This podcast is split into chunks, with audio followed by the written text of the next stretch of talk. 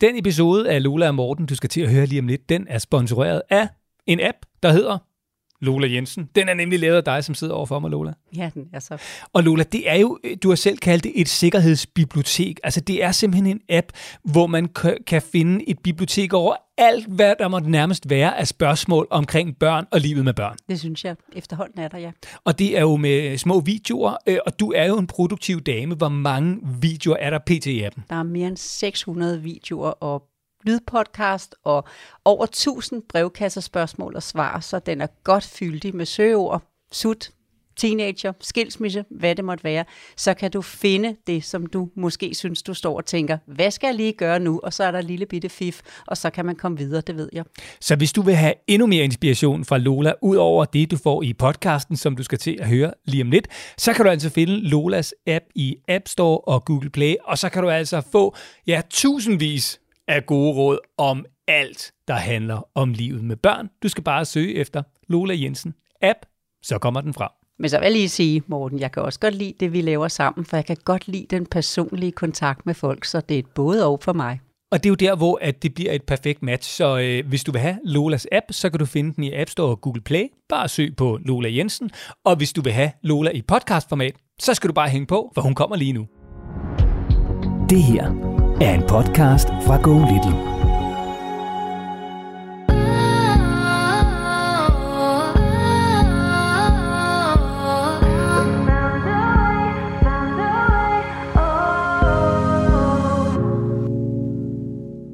Vi har et, øh, et par drenge, som er meget livlige, og som har antennerne ud i forhold til fokus på hinanden.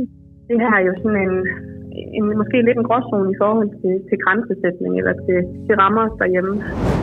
Det handler egentlig i bund og grund om, hvordan man egentlig får taget de her gode snakke op med, med, med sine forældre, fordi det kan være svært det der med at indfinde sig i de her nye roller og, og navigere i det, når man står øh, som nybagte forældre.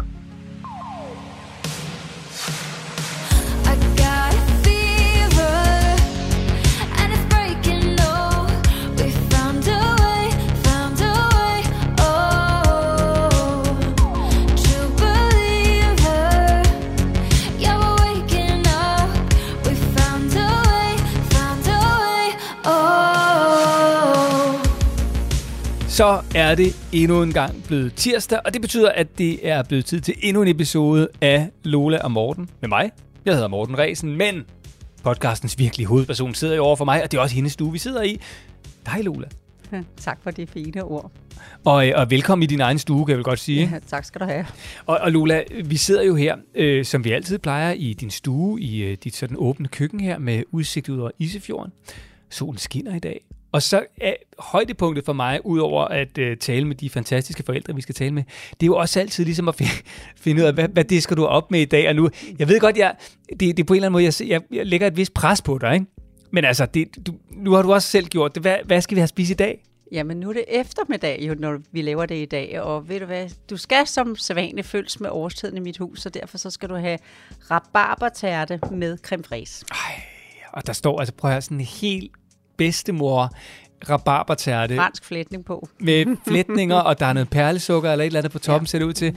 I det helt klassiske hvide tærtefad, så står der sådan en god, tyk, økologisk creme fraise foran. Ja, lige nuagtigt. Ah, men altså. 38 procent. Prøv at Lola, kan det, altså, ja, det, Man kan jo godt tage lidt. Det, ja, det kommer jeg aldrig til. Øhm, og så skal vi jo tale med, øh, med to fantastiske forældre i dag.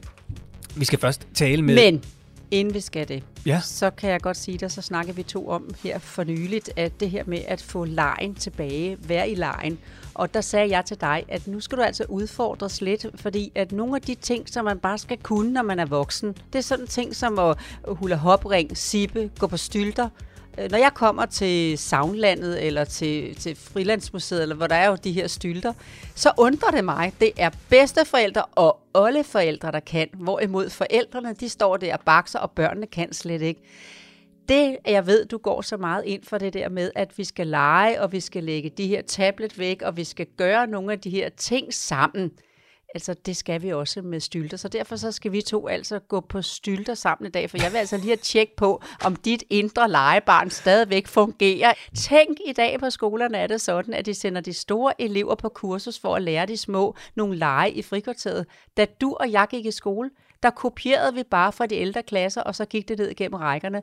Morten, går du på stylter? Jeg- Husker du så nogle ting sammen med dine børn? Det skal tjekkes i dag. Jeg var i gang med at forklare om øh, rabarbertærte, og, og hvilke lytter øh, og forældre vi skulle tale med, og hvad, nu taler du om stylter. Jeg har glædet mig til at se dig på stylter. Det er bare det. Men hvor fanden skal vi gå på stylter hen? Udenfor, det er lige ude. øh, Du kan fortsætte med at have udsigten over Isefjorden. Det skal ikke være noget problem. Hvis du kan koncentrere dig om begge dele på en gang, så bliver jeg ret imponeret. Nej, jeg troede, det var sådan nogle øh, åre til en båd, der stod derude. Ja. Ja, det er det ikke, der stylter. Så vi skal jo gå på stylter nu, Nu. fordi vi skal hvad? Fordi jeg skal lige se, om du har det der barn i dig, som du rigtig gerne vil vække. Om du som forældre kan finde ud af, bare spontant at kaste dig ud i et eller andet leg. Det, der skal være lidt, lidt af det her hen over sommeren. Der vil være en lille udfordring en gang imellem, når du kommer i mit hus. Øh, Det passer også, når du skal creme fraiche 38 procent bagefter, du bevæger dig lidt. Kan, kan man komme ud her, eller hvad? Ja, det kan man godt. hvad så, så, skal, så, skal du, så skal jeg tage Ja, mikrofonen, ja, eller helt klart. Du skal tage sko på, ellers kan du ikke. Kan jeg ikke det? Okay. Nej, det kan du. Der skal være noget fast under dig. Ej. Ja, det her, det kan jeg sagtens, tror jeg. Ja, og du holder rigtigt. Det klarede du da i første omgang. Så Nu bliver jeg sgu da i tvivl om, er det den der, er det udad til? Nej, det er sgu da indad, ikke? Er det ikke sådan? Jo, det er det. Ej, shit, mand. Jeg var helt kun høne i forhold til det, kunne jeg sagtens. Nu kan jeg godt mærke, nu... Øh... Pas nu på hovedet, når du rejser dig. Nå, jeg står som, det, det er simpelthen to stylter her. Øhm, det, det ligner sådan to kosteskaft, der er så ligesom sådan en træklods nederst, hvor jeg kan huske, at der ligesom var på dem, jeg gik på i gamle dage. Der var ligesom, der var en klods nederst og en klods øverst, ikke? Det er rigtigt. Og nu står jeg med Men, fødderne på den nederste her, nu skal jeg på den ene med højre fod, så skal jeg op på den venstre med den venstre også, ikke? Og skal satse på, at jeg ikke. Og nu kom Torben ind, og han kigger også. Ja. Shit, mand. Oh, sådan der. Prøv lige at se jo. De er jo altså, de er lidt korte til mig, Ja, men det altså. er de. Det er de, men du klarede det altså. Det kan da Det meget godt. Altså, ja, det gjorde du. Sådan der, man har ikke. Upsen, der var lidt glat på Torbens terrasse der. Undskyld, Torben. Nu må du ikke føre dig slå dig. Nej, nej, nej. Sådan der. Man har vel ikke arbejdet i et ungdomscenter for ingenting. Nej, det Ah, okay. Åh, Du hva? hjalp lidt på det. Sådan. Sådan. Det. Prøv lige at se her. Ja, ja, Ja, det kan vi da sagt. Der er lidt glat herovre, Ja, det er der. vil jeg sige. Sådan. Prøv lige, nu kommer de hen med dig. Det går bedre, end jeg havde regnet med. Det er så Ja. godt. Ja, ja. Det skal der kunne stå på stylter. Ja, sådan jo. Ej, Ja, hvor er det 42, godt. ikke? Jeg skal da næsten bare hurtigere, end jeg kan følge med med kamera. Så kunne jeg Så, sådan jo. upsi. Ja. Hvad så? Så skal, skal jeg lige vise dig, hvordan man shipper også. Jamen, Ja, og hvis du også kan hulle hopringen, jamen så, Ja, det er straks værre så med er det. du kørende som forældre. Skal jeg prøve den der? Ja, ja, ja, ja, ja, ja, Hey, ja, hva? ja, ja, der, der er gode betingelser for underholdning Ah. Det var shipningen. Ja. Ej, nu er det lige sætte en hul. Åh, hula hopringen. Åh, det er sådan en fitnessring. Den er svær. Det kan jeg til gengæld ikke. Kom så. Wow, får jeg dine blomster. Ja, det gør det. Det må jeg jo tage med dig og sætte Det jeg. prøve. Ah, det kan jeg til gengæld ikke. Shit, mand. Hvordan fanden er det, man gør det? Kom så, kom så. Ej, og det der med, at man skal lige ind i rytmen, ikke? Så er den der. Åh, oh, ja, ja. Prøv lige at se der. Der var den der. Ja! Var det Ja. godt klaret? Ja! Hvor det var overraskende positivt godt klaret. Åh, Åh, Ja, var det 3 ud af 3? ja, det var.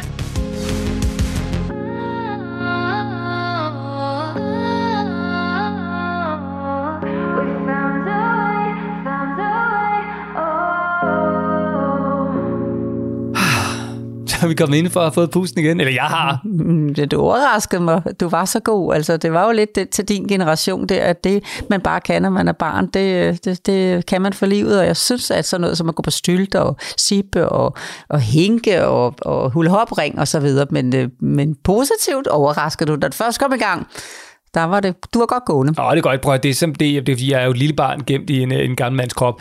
Nå, vi skal jo øh, i gang med det, det hele handler om. Vi skal tale med to fantastiske forældre. Den ene, det er Mathias, det er altså et ret interessant dilemma. Øh, Mathias, han skriver, øh, at han har en udfordring faktisk med sine egne forældre. Altså ungernes bedste forældre. Fordi de vil ikke acceptere de grænser, som Mathias og fruen sætter for børnene. Ja, og den er så godt beskrevet, og den er så vigtig at forvente, den, det er så, så synd, hvis at deres forhold går i stykker, fordi de ikke hører, hvad de unge mennesker gerne vil. Det er jo deres barn, det er dem, der bestemmer, der skal respekteres. Jeg håber, at vi får inspireret rigtig godt i den retning, så de kan vise dem, det her, det er det, vi vil. Ja, det, det, det er simpelthen sådan noget med, at, at Mathias for eksempel øh, ligesom siger, men hun skal ikke have is nu. Jo, det skal hun da nede hos os. Eller nu skal vi gå, ikke? Så, øh, så øh, ja, vi går lige lidt rundt, og så kan de stå og vente i entréen alt for lang tid. Der skal altså respekt ind, men hvordan får man lige sagt det, og i stedet for at det lige så stille gror i de unge forældre, så de har lyst til at komme, der kommer der mindre og mindre, hvor er det bare synd. Det skal vendes. Og øh, det skal vi jo, eller du skal have givet nogle gode råd til. Og så skal vi først og fremmest nu her tale med Sanne, der er mor til to drenge. De er tvillinger, og hun er simpelthen i tvivl om, hvor meget de skal skille de her to drenge ad, fordi de på den ene side er gode for hinanden, på den anden side, så vil de også meget gerne give dem hver deres liv. Oplagt inspiration i forhold til tvillinger, det der med, at øh, skal de have fælles venner, skal de have fælles hverdag, hvor meget skal de være fælles. Men de har jo to forskellige CPR-numre, så det bliver en god snak. Og den skal vi have nu. Velkommen til Lola og Morten.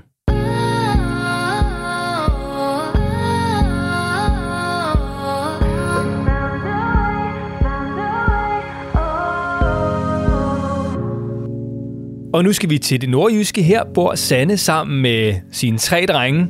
Faren af dem hedder Michael, og øh, de to yngste, det er tvillingerne, Albert og Arthur på 3,5 år. Hej Sanne, og velkommen til Lola og Morten. Hej. Hej, og jeg sidder her på den anden side. Hej fra mig også. Hej. Sanne, du skriver her i din mail, efter at have hørt jeres rigtig gode podcast, åh, oh, tak for det, øh, er jeg nødt til at skrive til jer med det spørgsmål, vi har herhjemme. Og så får du selv lov til at fortsætte. Hvad er dit spørgsmål? Jamen, altså sådan helt konkret er det jo sådan håndtering eller prioritering af alenetid af vores drenge. Øhm, vi har et, øh, et par drenge, som er meget livlige, og som har antennerne ude i forhold til fokus på hinanden. Øh, de vil rigtig gerne vide, hvad hinanden laver hele tiden, og de, øh, de, de er nede i detaljerne og koordinerer de ting, de sidder med, at koordinere det tøj, de har på, øh, og det mad, de spiser. Øh, der er stort fokus lige nu på at skabe deres egen identitet, både hjemme hos os og i børnehaven, for ikke at de skal være på overarbejde. Øh, så derfor så er vi begyndt at indføre sådan lidt den her alenetid med mor og far, for at give dem sådan et frirum, hvor de kan fokusere på dem selv og være dem øh, og slappe af og, og have den her øh, ro til, hvor der ikke er konkurrence og hvor der ikke er, øh, man skal dele noget legetøj eller holde styr på hinanden, men hvor de bare er dem selv og så moren og far. Øhm, og det, det nyder de godt af, og det gør vi så også som forældre selvfølgelig, men, men det kan nogle gange ende i nogle konflikter, både i situationen, hvor vi har alene tid, øh, men også inden da, hvis vi sådan gør dem, gør dem klar til alene tid, hvor vi fortæller dem, at nu skal du med far derhen, og jeg er alene hjemme med, med dig, Albert, øh, for eksempel. Øh, og så skal vi lave det her og, og hygge os rigtig meget. Og så kan Albert måske godt høre, hvad det er, Arthur skal, og så er det det, han også vil. Øhm, og så kan det ende i noget konflikt eller en frustration for ham, øh, hvor han egentlig bare gerne vil det samme som Arthur. Øhm, så, og, og problemstillingen for os er lidt den her, hvor meget skal vi holde ved? For det virker også sådan lidt, nu 1, 2, 3, nu skal vi hygge os. Altså, hvis nu drengen hellere vil noget andet. Så det er sådan lidt den der konflikt, vi rammer, og vi, Altså, jeg har egentlig ikke noget imod, at vi har ikke, jeg synes, vi er gode til at tage konflikter op og frustrationer, hvis hvis det handler om rammer eller grænser, vi sætter, fordi det er vi nødt til. Øhm, men det her er jo sådan en, en, måske lidt en gråzone i forhold til, til grænsesætning eller til, til rammer derhjemme. Øh, det er sådan et, et behov, vi mærker, de, de selvfølgelig har godt af. Sanne, jeg kunne godt tænke mig lige at vide, altså øh, det som sker imellem Albert og Arthur, er det, øh, hvad skal man sige, sådan et udtryk, tror du, for misundelse? Altså, jeg vil være med, fordi at Albert også er med, eller omvendt? Eller er det, fordi at drengene ikke kan undvære hinanden? Jamen, jeg tror, at det er lidt en blanding. Altså, jeg tror, at øh, noget af det er jo selvfølgelig, hvad går jeg glip af, og hvad er jeg ikke en del af lige pludselig, som mm. får noget, jeg ikke får. Men jeg tror også underbevidst, og, og for dem især handler det om det her med ikke at have styr på hinanden. Så jeg tror måske oftest det kan handle om det her med ikke at, den der med at miste kontrollen over ham markeren der. Jeg er vant til at vide, hvor jeg har hele tiden min højre hånd. Øhm, fordi vi kan godt have snakket om det dagen inden, og, og have øh, og planlagt det, og de kan synes, det er en vild god idé, og vil rigtig gerne være alene med mor omkring det her, og Arthur vil gerne være alene med far for eksempel omkring noget. Og når så det kommer, og de skal til afsted, så er det konflikten kommer. Øh, fordi så er det jo nu, og så skilles vi. Altså, Øhm, men så står jeg så også måske, hvis det så er Arthur, der skulle have været siddet alene med far, så, så ændrer jeg jo også hans planer lidt. Altså, så går jeg jo ind og siger, nej, nu tager Albert med alligevel. Og så kan jeg jo godt høre Arthur sige, jeg vil gerne alene med far. Øh, så det er lidt den der, at det går lidt ud over enten den ene eller den anden, uanset næsten, hvad man gør, og, og hvor meget skal man holde ved. Hvis nu er I, hvis jeg, jeg laver sådan et billede af en weekend lørdag og søndag, og det regner udenfor, ja. og I skal bare være hjemme alle fire, og de to drenge ja. skal lege en hel masse sammen, hvordan vil sådan en weekend så se ud? Øhm, jamen, den vil være være fyldt med leg, men den vil også være fyldt med konflikter, øh, fordi de er jævnaldrende og skal, er det samme sted i forhold til at skal dele ting og være sammen hele tiden. Øh, Øhm, de, de, er, de er lidt på overarbejde, når de er sammen hele tiden, og derfor forsøger vi også at skille dem ad, fordi de, de, de nyder godt af det her med ikke at, at gå op og ned af hinanden hele tiden og, og mærke at være sig selv. Øhm, men vi kan godt mærke, at hvis de er sammen hele tiden, og hvis så skulle være inden for os, så ender de med at kravle på væggen. Altså, så har vi godt af at få en, to ud, og så nogen laver noget andet. Fordi så kan det godt ende ud i at gå og prikke til hinanden, øhm, og fordi man ikke måske lige ved, hvad man skal gøre. Hvordan vil weekenden så se ud? Det regner stadigvæk lørdag til søndag weekenden efter, og nu laver vi en ny scene, hvor I så har programsat lidt mere, hvor I er der alle fire stadigvæk, men hvor I har ja. hjulpet dem med at sige, jamen nu sætter jeg mig ned her i midten. I behøver ikke at være med i deres leg, men bare sidde der for at hjælpe dem med, at tingene kan lykkes for dem jo, for de er jo ikke så gamle. De kan jo ikke konfliktløse, konflikthåndtere, øh, løse knuder op igen. Og faktisk, Nej. hvis jeg skal lige vente fra negativt til positivt, så er det jo det gode ja. ved at have søskende, er, at der er meget, man bliver øvet i. Magt ja. ikke alt kan lade sig gøre efter eget hoved. Vente på tur, magt en, en afvisning, øh, magt at uh, udsætte sin behov, øh, magt ja. at dele, magt at, at forstå sammenhæng osv. Der er jo mange ting, de lærer i at være sammen. Hvordan ville weekenden ja. så se ud, hvis I havde programsat mere, så I hjalp dem nu her, mens de øver sig? De er jo under uddannelse i at konflikthåndtere og løse, men I skal hjælpe dem. Hvordan vil sådan en weekend se ud, tror du? Øhm, jamen, det vil, øh, den vil være bedre. Altså, de, de fungerer helt klart bedre, når vi har nogle planer, og når vi har nogle kasser at putte dagen ind i. Øhm, og, og det vil helt sikkert være en kæmpe fordel for os øh, at lave nogle planer, eller lave en, en snak med dem om, hvad skal der foregå.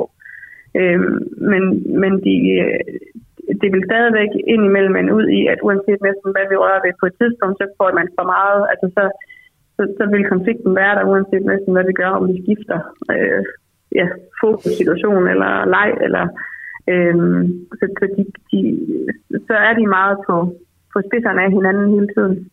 Ja, men jeg kan huske, øhm. lige da jeg kom på det her familiekursus, da mine øh, børn var, jeg tror, den, den ældste var syv, og, og nummer to, jeg havde kun to på det tidspunkt, var tre et halvt. Ja. Hvis de før familiekurset, hvis de sådan kom ud en morgen og trækkede hinanden og drillede hinanden, og, og sådan ja. var, var sådan, man kunne mærke, ej, man har bare lyst til at gå lige i seng igen, og så komme op med, med det rette ben først, ikke? Men, ja. de, øh, men de de dage, der kom jeg så til at sige standardforældrebemærkningen, før jeg lærte alt det, jeg har lært. Øh, så gå ind til jer selv igen. Hvis ikke I kan hygge, så, så gå ind og vær hver for sig. Og så kunne jeg egentlig mærke, når de så kom ud igen, så var de endnu dårligere til at være sammen, fordi de jo ikke har haft en chance for at øve sig. Og så kom ja. jeg på det her familiekursus, hvor at mange af de her konkrete hverdagsting, som jeg fortæller om, det er jo så noget, jeg har fået gennem alle de skønne familier, der har vist mig tillid og lukket mig ind i deres liv. Ikke? Øh, for jeg fik jo bare sådan overordnet. Men det overordnede dengang var, at jeg skulle ligesom vende situationerne 180 grader rundt. Og jeg gik hjem og sagde til mine børn, ved I hvad? Jamen for søren, da vi, vi skal da stryge kalenderen, fordi at, øh, vi er da helt kommet ud af, af kurs med at være sammen som familie og få det til at virke. Så, øh, så det vi skulle have lavet i morgen og på søndag, det skal vi ikke alligevel, for vi skal øve os i at være sammen og få det til at lykkes jo. Og det synes de var en lang weekend. Det var ikke sådan, at vi bagte pandekager og sad bare og spillede lutespil og stor og så videre. Men vi var sammen, og jeg sådan sagde til dem, men jeg kan godt mærke, at I er inde på noget af det rigtige. Vi begynder at lykkes med det jo. Og derefter skulle jeg bare sige, sige, hvis de kunne komme op og toppes. De må gerne være uenige som søskende, det er okay. Men det der med, du sagde, ja. og du sidder på min halvdel, og du spytter, og du... Altså ja. den der enerverende... Hvis, de, ja. hvis det nærmede sig, så sagde jeg, at ja, det kunne godt lyde som om, at vi kunne trænge til lige at få pusset lidt af en af de kommende weekender. Nej, nej, mor, nej, vi finder en løsning. Og så var de faktisk ret gode til at klare det. Nu dine mindre, men det, derfor jeg ja. fortæller det er, at øh, nogle gange har vi det med at løse det svære ved egentlig at adskille dem, som så gør det sværere og sværere, når de så skal være sammen. Okay. Tvillinger ja. har jo noget helt specielt jo almindeligvis med ja. hinanden. Altså, det er ikke sikkert, øh, fordi de kan da også godt bare være søskende. Altså ikke fordi man, øh, man har ikke bestilt dem, øh, de søskende man får, vel? Det er ikke bestilt, eller bestemt sin bestemthed, eller bestemt sine forældre. Man må tage det, man får. Men, øh, men øh, der er bare en sådan connection øh, i, i, i tvillinger, som, øh, som går sådan meget, meget pyt og pande. Ikke? Men jeg kan også godt lide inde på noget med, at de skal have to CPR-numre. Det har de jo fået også hver deres, og ja. hver deres lejeaftaler, når de når dertil. Men de er ja. kun tre et halvt. Okay. Fordi jeg tror, at vores tanke har været det her med, at de er sammen i børnehaven hver dag, og der forsøger de jo selvfølgelig at, at, at aktivere dem også for ligesom at få øjnene op for de andre, vi kan lege med, men, men de er alligevel sammen øh, i nærheden af hinanden hele dagen. Øh, og, og der, hvor vi ligesom kunne give dem noget bare mig tid for mig selv, det var ligesom i weekenden, hvor vi kunne sige, nu har jeg fuld fokus på dig, Albert, og jeg hører kun, hvad du siger. og jeg har ikke et, et ekko, der sidder ved siden af og vil overtage. Altså det har også været den her mulighed for dem i at kunne, øh, kunne falde på plads eller falde til ro i sig selv. Øh, som sådan at give dem den her, det her break men så er det den vej, vi går, for det er jer, der er sammen med dem, og det er jer, der kan se det. Jeg vil bare lige, ja. inden vi gjorde det, Men jeg kan øh, godt følge dig. lige gå rundt om, at øh, nogle gange ja. så løser man desværre ved at, øh, at, ja. øh, at, at tage dem fra hinanden. Der er jo ret meget ja. af, af konflikter, hvor det i virkeligheden går rigtig godt, hvis man lærer folk at konfliktmale. Altså i stedet ja. for offer og, og, øh, og den, der udsætter, øh, holder sig hver for sig. Hvis man så mødes og snakker, eller mødes og klarer tingene, så lærer man at være sammen. Men ja. I er der, I kender dem, og de skal have en tid hver for sig, og det er også okay. Øh, det skal bare ikke ja, være et mål for godt... en hel weekend, vel? Men, men en lille stund nej, nej. måske, ikke? Ja. Ja, jo, og man kan godt følge det, du siger med det andet, for det har vi da også brugt, at, at hvis de er i top, altså i, i, efter hinanden hele tiden, så nu, nu er vi simpelthen nødt til at lege hver for sig. Altså, så har man det jo med at skille dem, ikke? Så det har vi da også brugt, og i stedet for og måske gå ind i og sige, hvad er der går galt? Lige præcis. de, altså, ja, eller endnu bedre, kan jeg hjælpe jer med at komme fremad? Fordi hvis hvad er der, der går galt, så søstene, de siger gerne, jamen han startede. Nej, det var ham, der startede. Ja. Han tog min bil, og der kan man aldrig være retfærdig. For en af de to drenge kan være så god til at lægge nogle øh, kugler ud, som den anden triller i, så det ser ud som om, at den der ene dreng, det er ham, der selvfølgelig er startet, ja. og der kan ligge noget bagved. Så vi kan aldrig være retfærdige. Men vi kan godt Ej. gå ind til to drenge på tre et halvt år, som voksne og sige, kan jeg gøre noget for jer, så I kan komme bedre videre? Er der et eller andet, jeg kan ja. gøre? Altså, der, jamen, han tog min bil. Nå, nu har du den. Jeg ved ikke, hvad der skete, for jeg var her ikke. Men jeg vil gerne hjælpe dig med også at få nogle biler. Altså, hvad for en bil kunne du så ja. tænke dig at få? Ikke? For du var jo ikke derinde. Og du ikke gå ind og sige, at men hvis han havde den først, så går det bare galt. De bliver bare mere ja. irriteret på jer over, at I ikke forstår, hvad der var, der skete. Vel? Men jeg sætter mig her sammen med jer, så finder vi biler. Hvor mange biler har I? 1, 2. I har 42 jeg tror på, at det kan lykkes at finde en til dig også, som du kan bruge. Skal det være en sej bil, eller skal det være en bil med, med, med trokkerbil, eller kunne du tænke dig at få en monstertrokker, eller hvad kunne du, en traktor vil du gerne have? Og så hjælpe dem til at se andre muligheder i andre biler, i stedet for kun den, som den anden dreng har i, den, altså den ene tvilling har i hånden, ikke? for det er den bil, de begge to gerne vil have. Ikke? Og så hjælpe ja. dem, for så bliver de jo gode til at konfliktløse, og så er det, når de står hen i børnehaven, og der er en, der tager en bil, så tænker de, hvad er det lige, jeg har fået for et godt kursus hjemmefra, når der er nogen, der tager noget fra mig, og så benytter de sig af de gode lektier, som I har givet dem, og dem øver de så Derhjemme får man fra sine forældre, så går man ud og øver det i barn-til-barn-relationer, og så går man hjem med sig selv og sidder og øver efter. Og det kan jeg så ikke, fordi de følt hjem fra børnehave. Ikke? Så I er selvfølgelig inde på noget, når I siger, at de skal også have noget alenetid. Og den skal vi så også lige vende, hvordan I får solgt den, så ikke det bliver en konflikt. Ja. Det er så bare øh, vendløs, Lola. Ja, men øh, lad være at fortælle så meget, hvad den anden skal. Altså det der med, at man ja. bare går ind og tager en af, af, af drengene og siger, så øh, ved du hvad, vi to, vi, vi skal lige afsted nu, ikke? Altså, øh, og så kommer man ud i stedet for at sige, vi skal over og handle ind til slikaften, nu, nu sætter jeg det jo lidt på spidsen, ikke? Eller ja, jeg kører ned med, med, med Albert også, og, og, og skyder på mål ned på fodboldbanen. Hvad skal I to så, mor, og, og hvad skal I lave herhjemme, ikke? Det kan virkelig ja. kun være et dårligt bytte imod at stå med far ja, og, og først på 10, ikke? Eller hvis du går ud i køkkenet og bager med en af dem, så den anden kommer, jeg vil også være med, men du laver noget andet nu, nu står jeg og bager, og så tur hold fast. Uanset hvad lyd der kommer ned fra gulvet, så siger du, det bliver din tur en anden gang. Ja, okay. De er jo, det, det, de lærer nu, er jo guld værd. Det skal de bruge resten ja. af livet at magte. At ikke alt ja. kan lade sig gøre at vente på tur. Magten afvisning, magt skuffelse. Det er så ja. god værdi at lære, og de kan kun komme til at lære det, når man ligefrem også skal følges med en tvilling 24-7. Så se det som plus. Præcis. Ja. Ja, for det er nemlig det, at, at vi, altså, for, for vi har ikke noget imod at tage hverken konflikten eller frustrationen i det, men det var mere den her med, jamen, hvor langt skal vi blive med at gå, når det ikke handler om ja, en grænse eller en, en, sådan en ramme, vi sætter. Altså, øhm, så det har virket sådan lidt, jamen, så, at på vis skyld gør vi det. Altså, det er selvfølgelig for deres, men, men i situationen kan det godt virke sådan lidt, jamen nu, nu har jeg bestemt, at vi skal lave det her. Men det kommer jo kun til at ske, fordi I mærker en nedsmeltning fra den, der ikke deltager. Ja. Fordi hvis ikke den ja, nedsmeltning var der, jamen, så ville I jo bare synes, det var okay, at I havde bestemt, at nu kører vi lige hen og, og klatrer i klatretorvet hen på skolens legeplads. Det gør jeg lige med ja. den ene, mens du cykler, træ, cykeltræner med den anden udenfor. Og det har I to ja. aftalt som voksne, uden at fortælle drengene, hvad den ene skal og hvad den anden skal. Og når så far kører ud i bilen, så vil han også med. Eller når far kommer tilbage fra øh, klatretårnet, hvad har du så lavet? Jeg har altså klatret sammen med, jeg har kun bagt øh, pølsehorn til øh, skovturen i morgen, ikke? der tror jeg, I kommer til at blive lidt ked af det på deres vegne, eller usikre på jeres egne valg, fordi de bliver ked af, at de ikke var med til det, den anden lavede. Og det, det er altså okay, at de bliver det. Ja, okay. Så, så hvad så hvis, altså fordi vi, jeg ved, den kommer lige så snart, jeg siger, nu skal Arthur på tur med far, og vi skal lave noget herhjemme, Albert. Hvad skal I lave? Hvad skal de lave? Hvad skal, far, hvad skal mor? Hvad skal, øhm, så det er sådan mere, hvad, hvad gør vi i den situation? Er det, Far er det er enighed med far? Far går lige så stille ind, bare henter den ene tvilling og siger, vi ses. Øh, hvad skulle de? Øh, de kører, vi to skal bage. Men hvad skal de lave? Ja. Det behøver han da ikke at vide. Det ved jeg ikke. De kørte, altså, det ved jeg ikke. De skulle ud og køre. De skulle på, jamen, de er taget afsted nu. Vi to har noget andet for. Det behøver vi ikke at vide. Vi behøver ikke at vide alting. Vi to, vi skal noget. Og så mm. fortæller du... De skal bare ud og køre. Jamen, det der med at sidde ved et bord, Altså at forestille sig, at, øh, at man, man sidder og siger, nu siger jeg bare, at der er en hel masse lækker mad, Morten. Det får du jo sådan set ind imellem, når du er her hos mig. Det har du da givet udtryk for. Utroligt. Og så siger jeg til dig, øh, øh, ved du hvad, øh, hvad skal jeg have at spise, siger Morten, så nu skal du sætte dig hen i det, ikke også, Line? Hvad skal jeg have at spise? Ja. Øh, jamen, øh, det der fad, der står her, med den der gode salat, og det der, der står der, ved du hvad, det er til Torben, når han kommer hjem. Og det, der står her, det må du tage, Morten.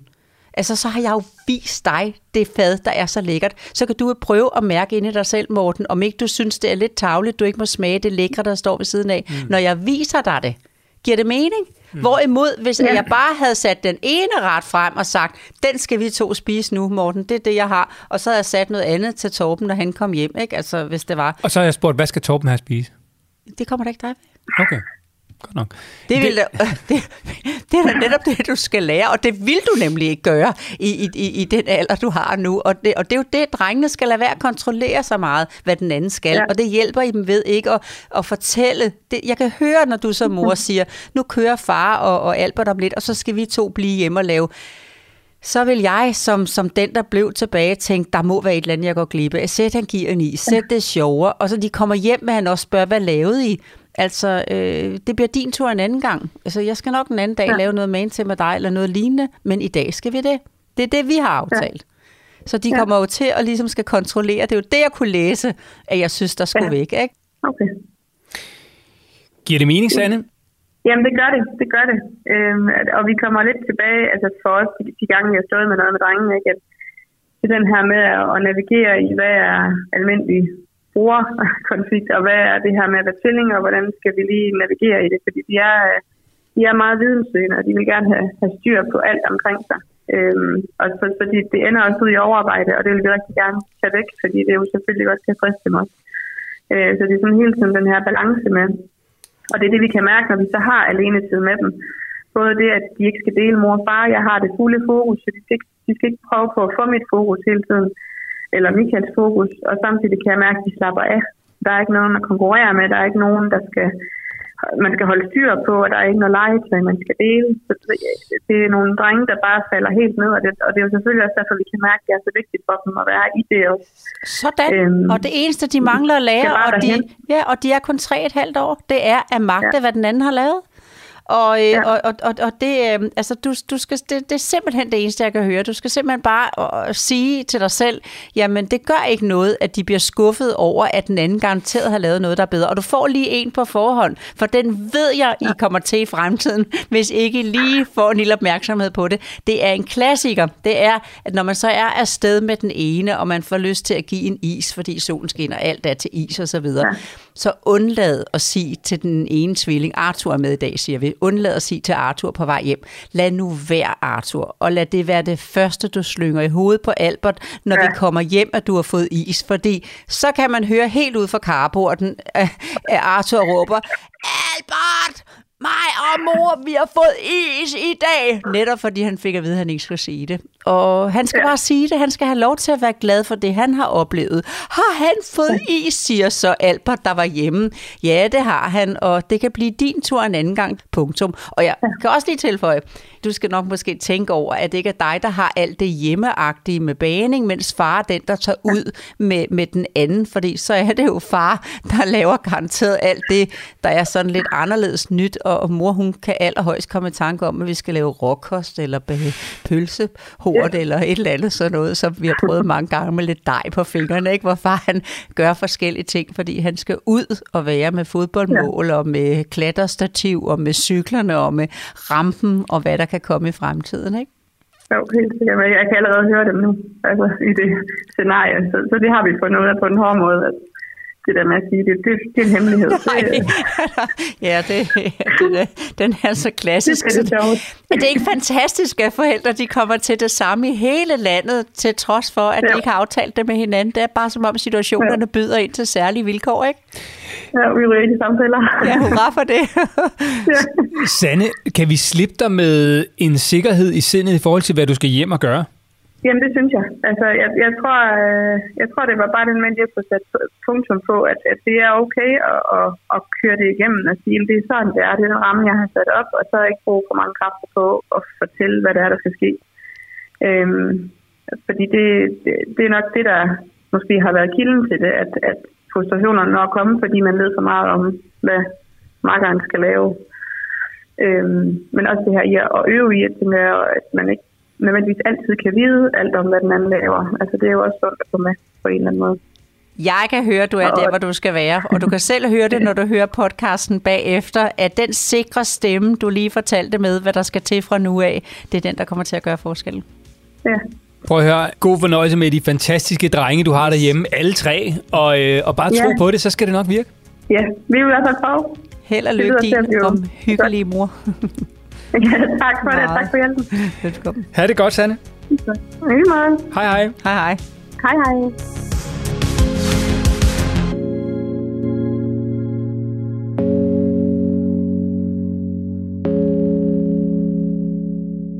Og så skal vi til Jørgen. Her bor Mathias sammen med sin hustru og sin datter på 13 måneder.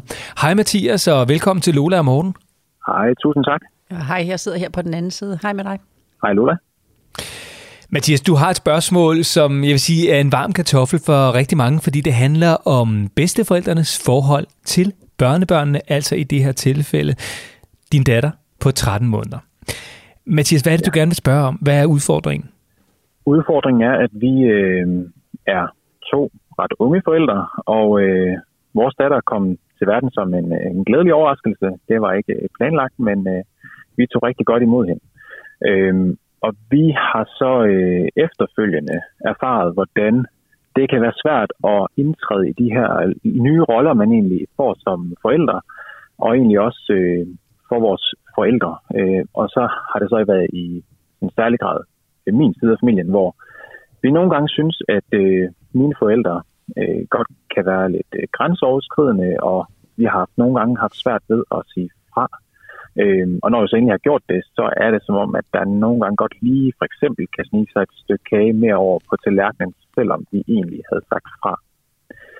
Så øh, det handler egentlig bund og grund om, hvordan man egentlig får taget de her gode snakke op med, med, med sine forældre, fordi det kan være svært det der med at indfinde sig i de her nye roller og, og navigere i det, når man står øh, som nybagte forældre. Øh, fordi tidligere havde vi bare øh, nogle super dejlige besøg, inden vores datter kom til verden. Så havde vi nogle super hyggelige besøg. hos mine forældre. Det var afslappet, og vi kunne bare slappe af og trække stikket fuldstændig. Men nu har det ligesom ændret sig til, at vi også i ugen op til besøgende og under besøgende faktisk føler, at vi er oppe på dupperne og på mærkerne, øh, ja, og går med en uro i maven, både før, under og faktisk også efter besøg. Så vi kunne godt tænke os, hvordan altså, tænke os nogle gode råd til, hvordan vi kan håndtere de her følelser, og hvordan vi måske kan, kan tage nogle snakke med mine forældre på en, øh, på en god og fornuftig måde. Så, så det her, Mathias, det handler ikke om, at dine forældre ikke vil deres børnebørn, måske nærmere tværtimod, at øh, de måske nogle gange vil dem lidt for meget, eller i hvert fald sætter lidt deres egne regler og grænser, og ikke så meget lytter til jeres? Ja, det, det, det føler vi nogle gange, at det, og, og vi har sådan overvejet, om det kan være afstanden til mine forældre, som er lidt længere end øh, min hustrus øh, forældre, som gør, at øh, der er en tættere relation mellem vores datter og, og hendes forældre. Men altså, vi føler nogle gange, at i og med, at der går længere mellem besøgene, om der så ligesom oplæres et eller andet behov for at komme af med det, øh, med den her energi og kærlighed til vores datter. Så de simpelthen de er samlet til bunke på afstand? Ja, lige præcis. Og så bliver det meget overvældende, sådan som vi har i hvert fald oplevet det. Men det kan også godt være, at det slet ikke er sådan. Det, det er vi kun gidsne om. Ja, og nu sidder jeg jo sådan lidt og, øh, og, og, og smiler også sådan lidt sødt grin af det, fordi det lyder meget sødt, men det er jo også frustrerende, og, og det er jo også kilde til, når noget bygger op over tid, som måske til at starte med bare en bagatel, lige pludselig bliver større og større, faktisk, som du selv siger, ødelægger den der stemning, der i virkeligheden skulle være, som skulle være god, når man er på besøg hos sine forældre og, og børnene hos deres bedsteforældre, øh, i det her tilfælde din datter. Øhm, Mathias, kan du prøve at komme med nogle konkrete eksempler på, hvad, hvornår er det, du og I føler, at dine forældre overskrider grænserne i forhold til børnene?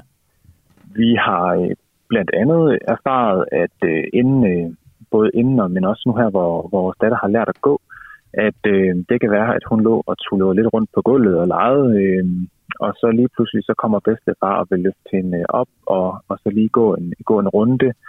Øh, og sådan, vores datter har generelt haft en sådan vis afstandstagen til mænd, øh, så det er ofte resulteret i sådan lidt øh, piveri, og at hun bliver ked af det, og øh, hvor vi så ligesom er blevet mødt med, i stedet for at hun så ligesom kommer tæt på mor og far igen og oplever lidt tryghed og nærhed øh, hos os, øh, at de så de kan for eksempel kan finde på at sige, ej, hun skal bare lidt væk fra sin mor, sådan at hun ikke, øh, sådan at hun ikke kan se. Så stopper hun nok med at pive. Øh, det kunne være et eksempel.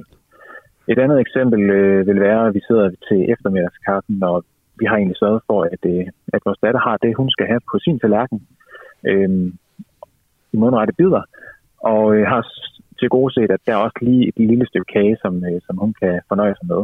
Øh, når det så ligesom er spist, og, øh, og hun måske øh, søger øjnene lidt mod øh, et nyt stykke kage, og bedste far så spørger, må hun øh, få et stykke kage mere, og siger, ej, hun har det, hun skal have på sin tallerken nu. Øh, og vi snakker så videre, og fokus forsvinder lidt, men kan så se ud af øjenkrogen, hvordan der ligesom nærmest sådan sniger sig et stykke kage mere over på hendes tallerken, selvom jeg egentlig havde sagt nej. Øhm, der føler jeg i hvert fald nogle gange, at den respekt, der er for, for os som forældre, måske bliver, bliver lidt overset. Der er også den der lille historie, du skrev med, når I skal hjem. Ej, den bliver du altså også lige nødt til at fortælle jer. Jeg skal have den med dine skønne ord, fordi du er godt nok en god fortæller. Jo, jo, tak. Øhm, jamen, vi står egentlig og skal på vej ud af døren, øhm, og min far har så fået den her øh, lille tradition med, at vores datter skal, skal løftes op og lige have en runde rundt i huset og lige kigge på billeder ud af vinduerne. Øhm, og i det her konkrete eksempel, jeg nævner i mit skriv til jer, jamen der får jeg fortalt, at, øh, at vi får i talsat, at øh, jamen, så lige en kort tur, fordi at øh, vi, skal, vi skal til at videre, vi skal hjem og ligesom nå at have spist og puttet i ordentlig tid.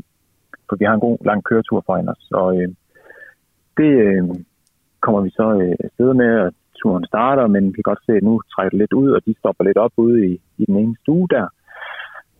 Og øh, der er vores tålmodighed øh, også ved at være brugt op, så øh, jeg beder øh, min far om at sige, nu skal vi øh, til at gå, så nu, øh, nu tager jeg altså lige øh, vores datter. Og øh, så kan begynder han lige at, sådan at stille lidt siden til at sige, nej, nej, nej, gå I bare ud i gang, så, så gør vi lige det færdigt, vi er i gang med.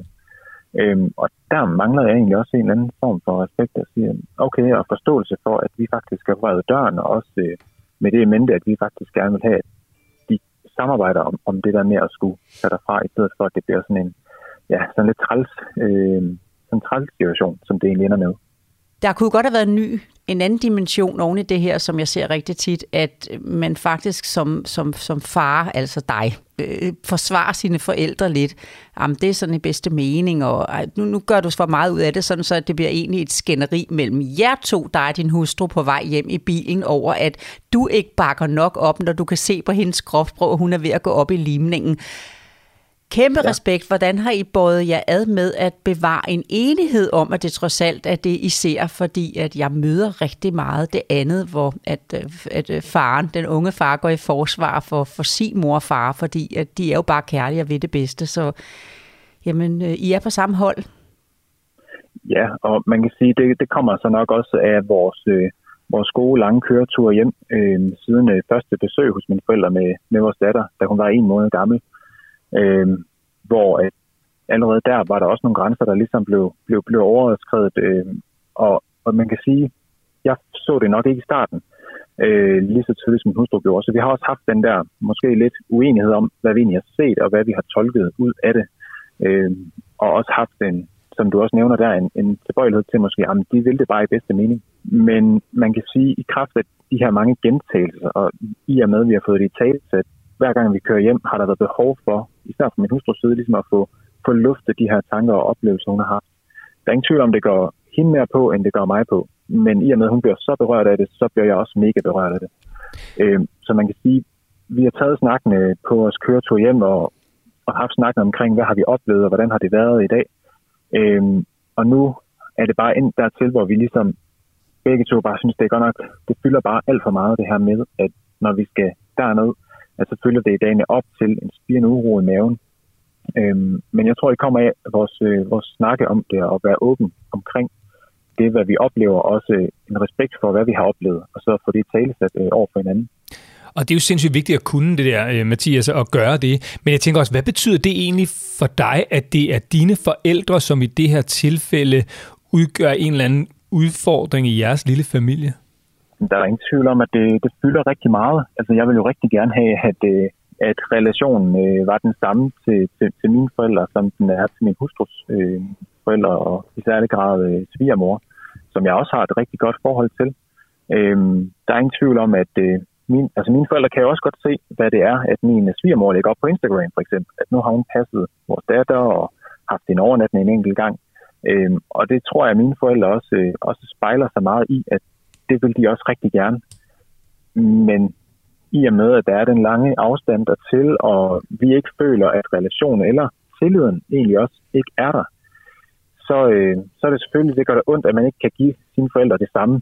Øh, men, men der er ingen tvivl om, vi har også snakket om det, mig og min hustru, at vi vil også rigtig gerne nå dertil, at vores datter kan blive passet af mine forældre. Øh, men vejen dertil øh, synes bare lidt svært nu, fordi det er gået lidt i hårdknude med alle de her øh, ja, små scenarier, der hele tiden skal diskuteres igennem, og, og den her uro i maven, der bare fylder meget.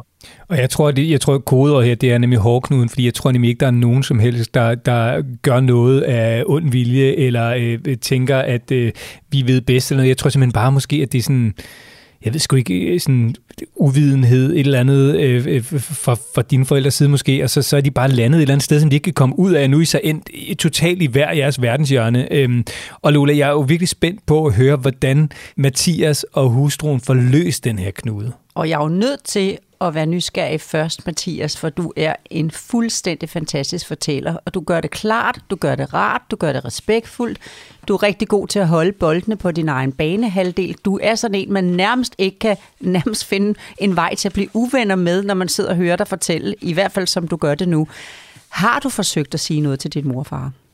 Ja, vi inviterede, øh, vi inviterede dem op øh, en gang. Øh, da vi ligesom følte, nu er vi nødt til at gøre et eller andet, så vi, øh, vi inviterede dem op og øh, tog en øh, snak med dem øh, omkring, hvordan vi havde haft de her oplevelser. Det forsøgte vi ligesom at, at i tale sætte, øh, men, øh, men det er også, øh, mine forældre er også nogle personer af få ord, så de er heller ikke, øh, de er ikke så vant til at, måske at, at tale ud fra, ud fra deres følelser. Øh, men, men vi forsøgte at tage snakken med dem. Øh, og, og, og det blev lidt afledt til, til det, du også har nævnt og snakket om tidligere, Lola, det her med et coronabarn. Øhm, det her med, at det er, vores datter er født i en coronatid, jamen det kan det også være, øh, fordi at hun ikke har set så mange, da hun var ganske lille og, og spæd. Øhm, at det kan være derfor, at hun måske øh, piver så meget, når hun kommer op i, i armene på den. Øh, så vi forsøgte at tage snakken med den, men den blev ligesom øh, pareret ud til siden i forhold til, men jamen, hun er også kommet i en svær tid. Øh, og så følte vi egentlig ikke rigtigt, at vi kom videre med snakken der. Øh, så, den, så vi har forsøgt at gribe fat i snakken. Har du hørt mig også fortælle, altså ej, det der med coronabørn, altså jeg, det er lige præcis det, at jeg ville, da jeg sagde det der, at de der børn, der nu skal kaldes for coronabørn, ikke? øv, øv, og der mærkede du det så i hvert fald lige, at det blev brugt der, hvor du var. Kom der slet ikke noget ud af den snak, hvor du kunne mærke en forskel? Jo, altså efterfølgende, øh, det første besøg efter, så kunne vi jo godt se, at, øh, at, at de gjorde nogle af de ting, at de sagde også til, til mine brødre for eksempel, at ja, hun skal lige have lov til at se an, øh, og så blev de faktisk på afstand, øh, og det gjorde mine forældre også. Øh, så, så helt klart, at besøget efterfølgende var der faktisk en bedring, men vi føler også dog lidt, at det er kommet lidt tilbage øh, i, i det samme spor, Øh, men måske ikke så meget mere omkring det her med, at det skal foregå på vores daters præmisser, men, men nu er det i højere grad de her problemstillinger omkring respekten og forståelsen for os som forældre, hvad vi egentlig gerne øh, vil have, der skal ske med vores datter. Øh, så det, det er nok det, der fylder mest lige nu. Jeg vil gerne lige starte med at fortælle, at det er oftest at det ikke er lige så let at være øh, farmor og farfar til den side, som det er at være mormor og morfar. Og det kommer sig jo af, at jamen, øh, din hustru, hun kan bedre huske, hvordan det var at være barn hjemme i sin familie, end du kan huske det. Altså, nu griner Morten, fordi hvis man spørger en mand, hvordan var det at være barn hos dig? Om fint, vi fik mad hver dag, alt okay, sådan jævnt, ikke? Men hvis man spørger en kvinde, hvordan var det at være barn? Hun kan huske detaljerne. Hun kan huske, hvordan der blev trøstet, hvordan der blev sunget, hvordan man skulle sidde ved måltid, og man skulle spise op, og man måtte få lov til med lejen og tage meget legetøj ud, og man fik slik. Alle de ting kan hun huske, så det er lettere at skabe tryghed til en mormor og morfar i forhold til, hvad de byder, end det er, hvis de byder noget, der har været godt selvfølgelig, end det er til en farmor og farfar. Plus at mormor og morfar i jeres tilfælde bor væsentligt tættere på, så jeg tror, at det kan handle om, at øh, noget af det er, at din Øh, mor og far, som farmor og farfar, bliver meget jaloux. Altså, øv, vi skal bruge nogle særlige kræfter på at komme ind der, og det gør dem faktisk rigtig akavet.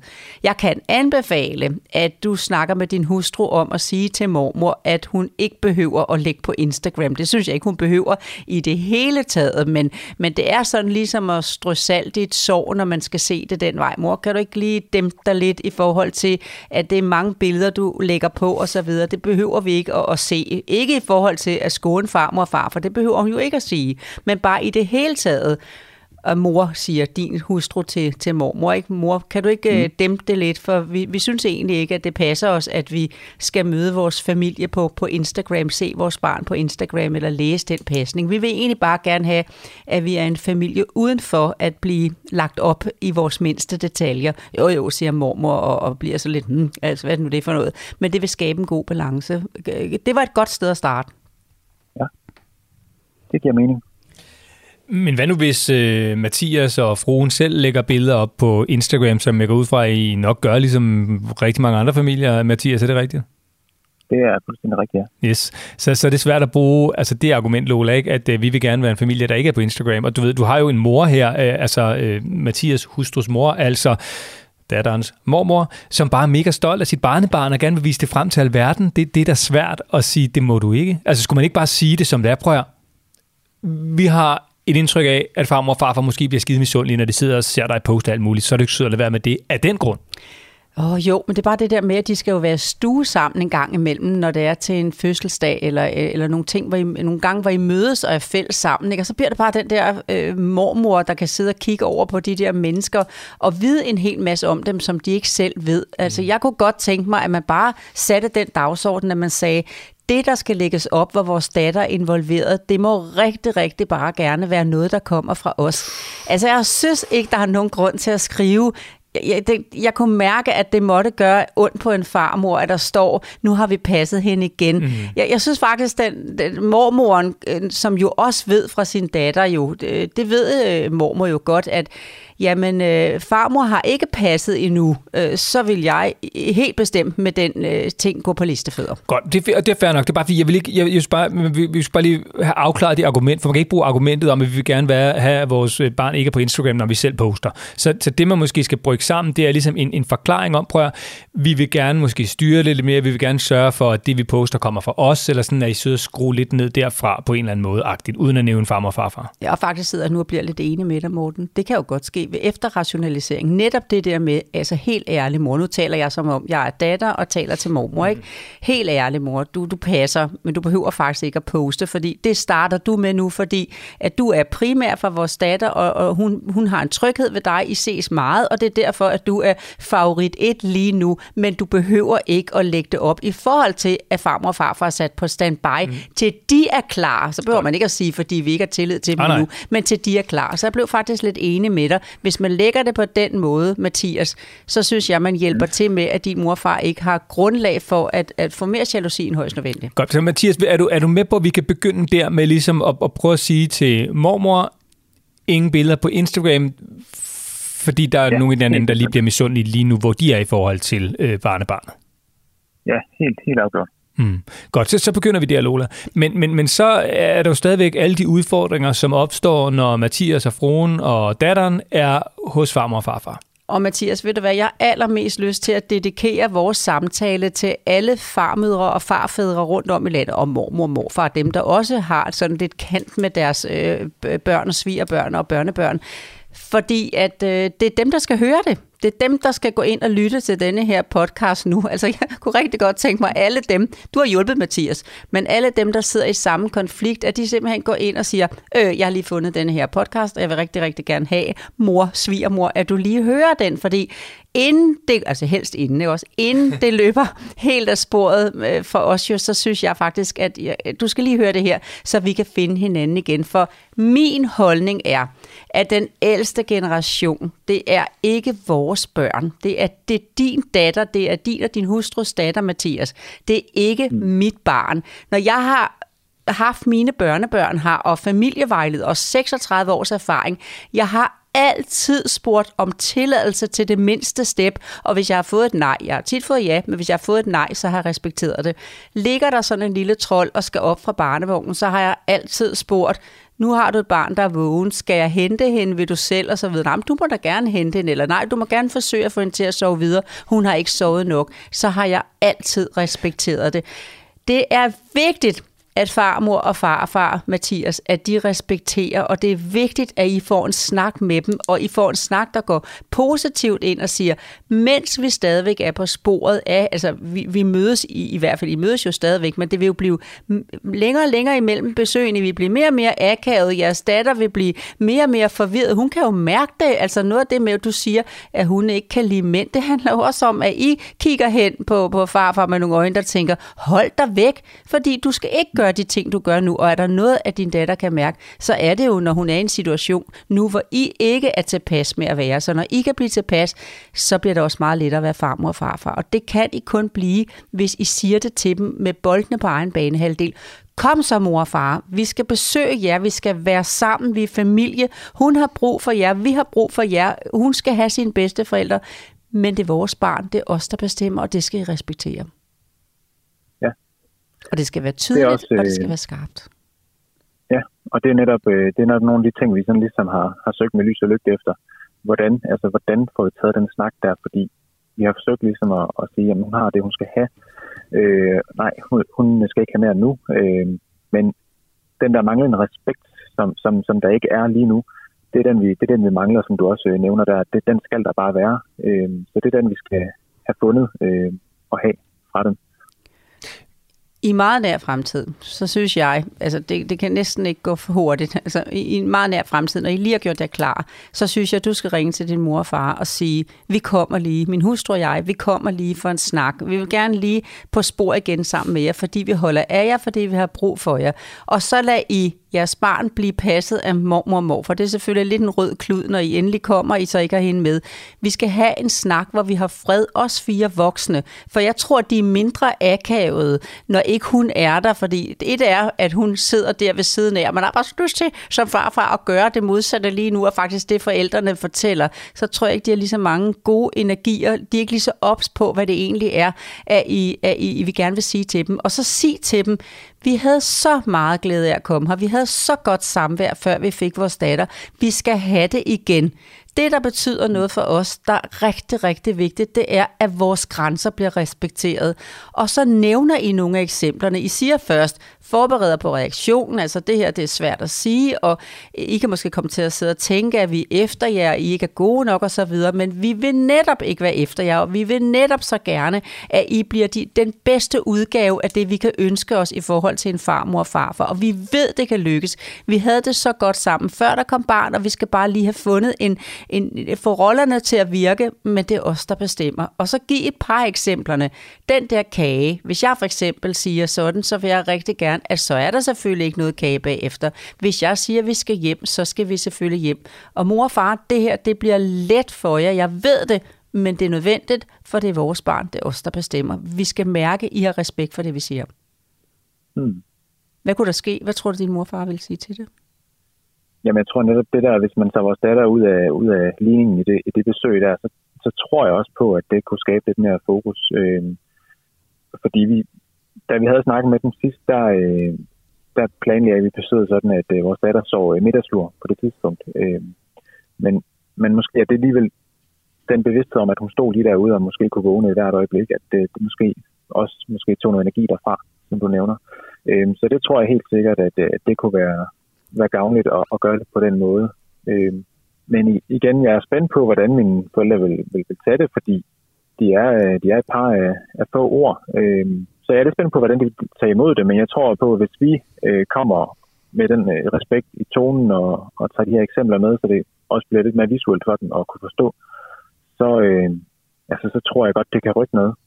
Men Mathias, jeg tror også bare, hvis, kunne du ikke forestille dig, at I, I tager ned til dine forældre, og så fortæller dem, prøv her, vi holder sindssygt meget af jer. Øh, jeg ved ikke, om du siger, du elsker dem, eller hvad du gør. Det er sådan lidt, det kan også være en, en lidt sådan sær ting for den generation og sådan, ikke? Men altså, hvordan det nu vil formulere det. Altså bare sige, I betyder mega meget for os, os begge to, både dig og din hustru.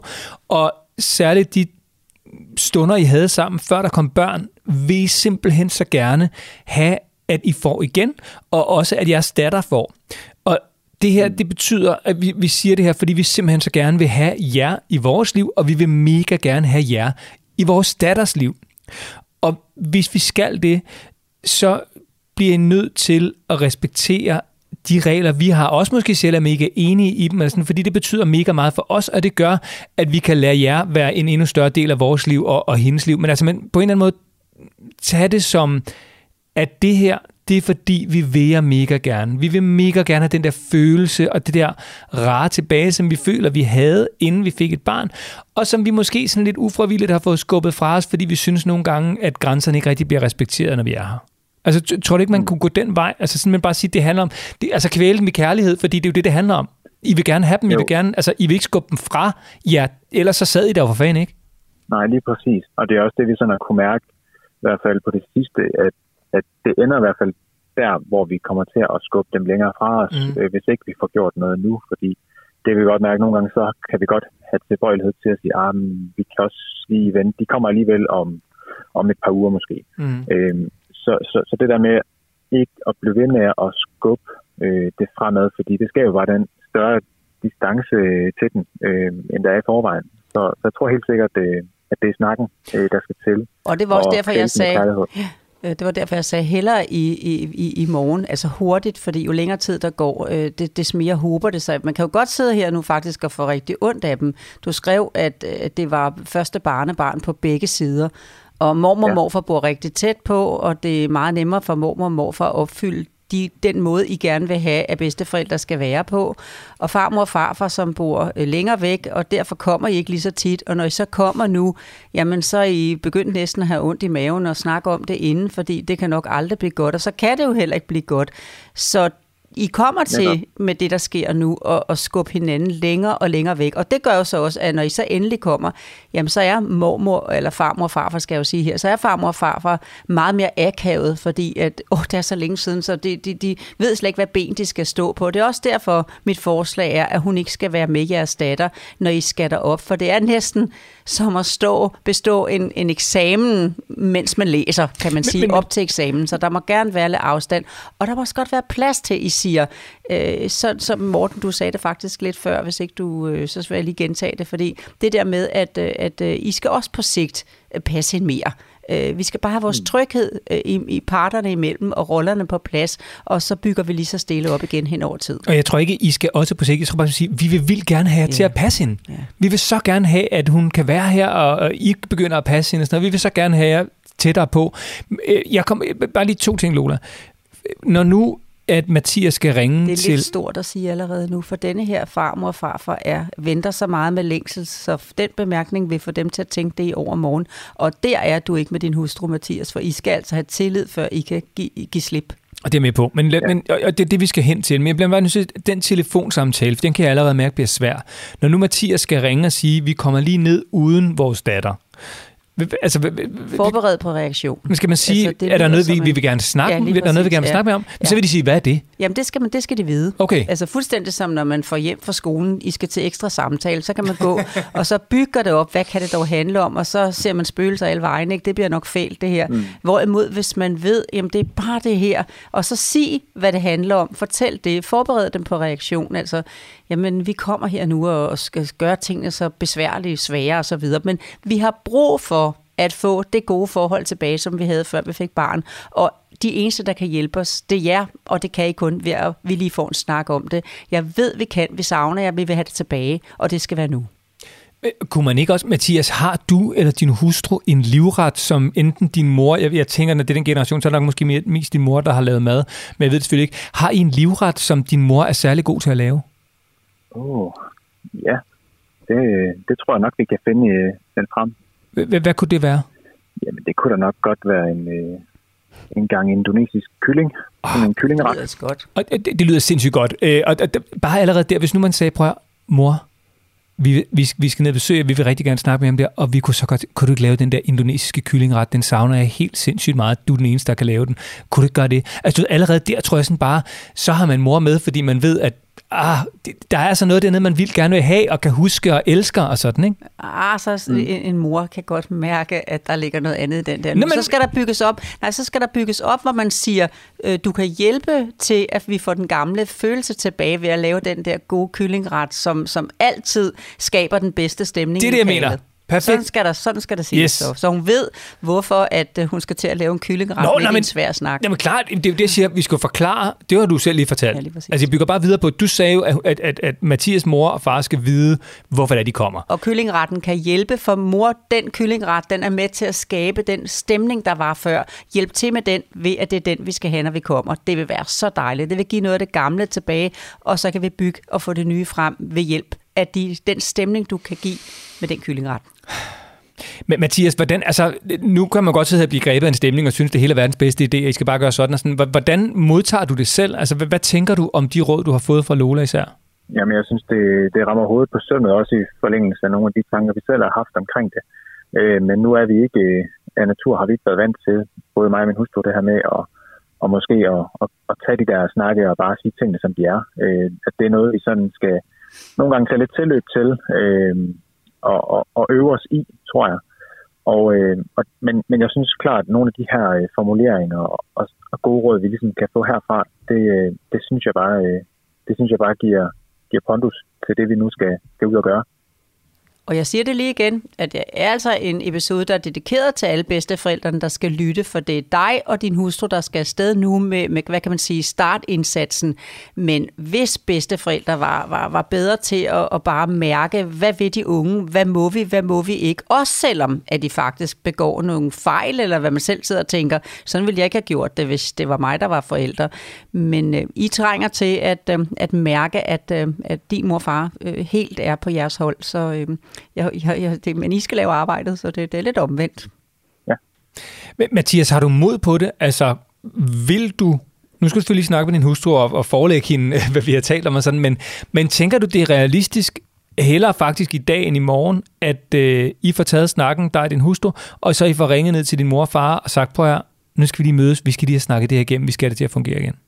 Ja, det tænker, jeg jeg tænker øh, klart, at det er, at det er realistisk, øh, i hvert fald i løbet af ugen, at måske at få taget den her til en start telefonsamtale, så ligesom få sagt, øh, ligesom få den forberedt på det, øh, og så tage en tur derned. Øh, I og med, at det er en lidt længere køretur, så, øh, så vil det nok primært være en weekend, vi skal, vi skal arrangere det. Men, mm. øh, men det synes jeg helt, helt bestemt. Og jeg vil bare lige sige, Mathias, husk på, og det ved jeg godt er nemt at sidde i den anden, for jeg er med på, det er en meget svær samtale, I skal tage. Øhm, det, selvom det kan lyde banalt for nogen, som har nemt ved at tale med sine forældre om sådan nogle, hvor der ikke er sådan et problem, som bare tænker, det er jo bare, det kunne min mor, så det kan vi sagtens snakke om. Men det, det er der, bare, det, der er folk bare forskellige. Øh, og der kan man snakke om forskellige ting med sine forældre, og sådan er det bare. Det skal man jo ligesom respektere. Jeg er med på, at det er svært. Men husk lige på, hvis I ikke gør det, Altså nogle gange så er det meget godt at tænke to eller fem år frem i tiden.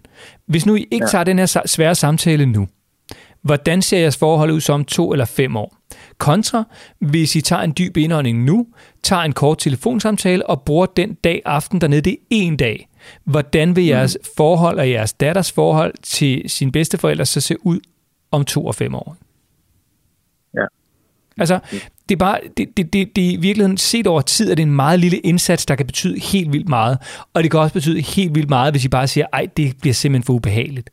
Og I må godt tage ansvaret for én ting, og det er, at I har ventet så længe og kun forsøgt én gang, for det mm. havde alt andet lige været noget lettere, hvis I havde taget det små step by step for hver gang, for hver kage, for hver gang din far gik rundt. Ej far, altså, ja, vi skal hjem nu, og du så bare ligesom havde været ind og sige, du kommer her med hende, i stedet for at vente til han kom tilbage, for jeg skal sige, at da min svigermor første gang prøvede at putte et lakridspåskeæg i kulørt farve ned i risalamangen til jul, hvor at min holdning helt klart var, at at tab og vind med samme sind, det kan man lige så godt øve sig fra dag et omkring, men nej, der lå sådan en lille bitte øh, mandel til alle børnene, og så en fælles til de voksne. Jamen, der flåede jeg, så jeg kan nok være lidt flov, da jeg husker tilbage på det, men jeg flåede altså den der risalamang portion ud af hånden på min svigermor sagde, hun får for de voksne skål. Hun var ikke i tvivl, ja. hvor jeg var, og hun fik middagskældning og en juleaften, men øh, jeg har haft verdens bedste svigermor og det bedste forhold til hende lige til hun døde for et år siden. Ikke? Så øh, øh, vi har haft det på det rene, men vi har taget den efterhånden, som den var. Og det, det er sgu også en meget god indgang, øh, øh, det der Lola, det der med måske faktisk også sådan lige at lægge lidt, tage lidt skylden på sig selv, at sige, åh, prøv at der er simpelthen noget, vi, vi, sådan, vi skulle simpelthen ikke have fået fortalt tidligt nok, og det beklager vi mega meget. Ja. Så det har bygget sig lidt stort op, og det har vi skulle lige brug for at snakke med jer om. Og det er simpelthen fordi, vi ikke er kommet med det i tide. Det må I sgu undskylde, men nu vil vi gerne tage den. Ja. Altså, det kunne også være måden, Mathias, ikke? Ja, helt bestemt. Helt bestemt. Fordi så, så tager du også lidt af skylden væk fra dem og tager den på jer. Ja. Og jeg har også en anden lille ja. en nu, når vi lige kommer i gang med snakken. Nu kan du bare se de der to timer, vi snakkede om, til du skulle, have, til du skulle være på arbejde igen. Det kommer så til at gå fint nok med det her lige nu. ikke? Men, øh, og ved du hvad, far, øh, hvis det så i fremtiden, for selvfølgelig øvelse gør mester, og der kunne godt komme en dag, hvor at vi er ved at gå, og hvor du så lige er, er gammel vane, eller det du har gjort indtil nu, som vi gerne vil hjælpe til med at blive anderledes, at øh, du så kommer til at gå med hende. Ikke? Og så er det bare lige, at du har det helt på det rene, så kommer bare og tager hende så ved du, jamen, åh, okay, der gik jeg lige ind over min søns øh, rammer der, så, så det er derfor, han kommer og, og flåede hende ud af armene på mig, eller kagen, du fjerner, ikke? Og hvis han er ved at snige den over, i stedet for bare at se ud af øjenkrogen, at der er ved at ryge et stykke kage hen, så tag lidt præcision, ligesom jeg gjorde med min svigermor, så sig, hov, øh, jeg ved ikke, hvad der sker med de tallerkener der, men jeg hjælper lige til. Slam, siger du, så har du fjernet den tallerken, der var ved at blive, komme et stykke kage med over, så din far ikke er i tvivl. Hov, det er her, vi øver. Lidt mere tydelighed, lidt mere mod, lidt mere præcision for din side, sådan så de ikke skal sidde og gætte sig til, hvad I kan sidde og tænke, fordi I bare sidder og krummer tær, og så tager den i bilen hjem. Tag den, når I er der, og så fortæl det. Vi vil være præcise i fremtiden, sådan så vi kan tage det step by step, i stedet for, at det håber sig, som det kommer til nu. Ja, lige præcis. Det, det giver mega god mening, og, øh, og giver helt klart noget at, at gå videre med. Ingen tvivl om det. Så Mathias, øh, hvor efterlader vi dig nu? Altså, hvilken følelse har du i kroppen i forhold til den udfordring, I står overfor nu, i forhold til da du ringede, og da vi startede med at tale med dig? jeg kan i hvert fald ane en øh, spirende optimisme ude i, ude i horisonten øh, omkring, at det her, det, det kan vi sagtens vende. Og så er det lige at få taget den her dybe indånding og få taget øh, ja, snakken derhjemme først og fremmest, og så få, få ringet og, og få aflagt et besøg, og så få snakket om, om de her ting. Øh, så jeg synes, vi efterlader mig med en, øh, med en spirende optimisme omkring, at det her, der, der er lys på enden af tunnelen. Det er der nemlig, og, og vi efterlader dig altså også med Ja, altså hvad skal vi sige, en lille bunden opgave, Mathias, fordi du, du slipper altså ikke så nemt. Den her samtale, den skal tages, og vi ringer jo, og det er jo det eneste, man skal betale med for at få fri adgang til Lola her. Danmarks bedste familievejleder, som man ellers ikke bare sådan lige kan få adgang til. Det er jo, at vi må ringe igen øh, om, øh, det bliver måske sådan en måned eller to i, i det her tilfælde, for lige at høre, hvordan gik det så med den snak, og hvordan er det så gået siden? Så Mathias, du skal bare vide, at, at vi lader dig jo ikke dø i synden. Nej, det er dejligt. Ja, og Mathias, jeg har sagt det to eller tre gange, jeg synes, du er fantastisk at snakke med, og du er klar, og du er tydelig, du holder boldene på en banehalvdel, så jeg er sikker på, at du kommer igennem med det her til din mor og far. Men hvis ikke du gør, så vil det være en god følelse for dig at kunne sige, jeg gjorde, hvad jeg kunne. Og det vil du have ja. gjort, hvis du følger nogle af de her ting. Jeg gjorde, hvad jeg kunne. Og hvis I så kører af sporet med hinanden, for det kommer ikke til at ske, fordi det bliver godt. Men hvis det kommer til at ske, så kan du hele tiden sige, men jeg gjorde, hvad jeg kunne. Det betyder rigtig meget, at du kan føle det. Ja. Mathias, tusind tak, fordi at, øh, ja, du ville være med og fortælle din historie og stille et spørgsmål på vegne af rigtig mange både møder og fædre, vil jeg bare sige, Mathias. Så jeg, jeg bare sige, du, jeg tror, du har været en, en inspiration og hjælp for rigtig mange, som ikke tør stille det spørgsmål out in the open, som du lige har gjort. Selv tak øh, for et fantastisk øh, podcast, øh, som I producerer. Det er en fornøjelse at høre på min pendlertur hver dag. Tak skal du have, Mathias. Og, øh, og held og lykke med det. Vi glæder os til at høre, så hvordan meget. det kommer til at gå. Og det skal meget. gå så godt. Prøv bare sikkerhed, ja. Mathias. Ja. Tænk på, hvad det er. Ja. Altså, det, det er jo en meget lille indsats for noget meget stort og vigtigt, du får i den anden ende. Jeg vil gerne have dig som svigersøn, hvis du kom på den måde. Så vil jeg så virkelig nyde, at, øh, at du var dig, og du kom til mig. Mathias, held og lykke med det. Det øh, skal nok gå. Vi krydser alt, hvad vi kan. Tusind, tusind tak. Ha' det rigtig godt. I lige måde, og fortsat god dag. Tak, lige måde. Lige måde. Hej, hej. Hej. hej.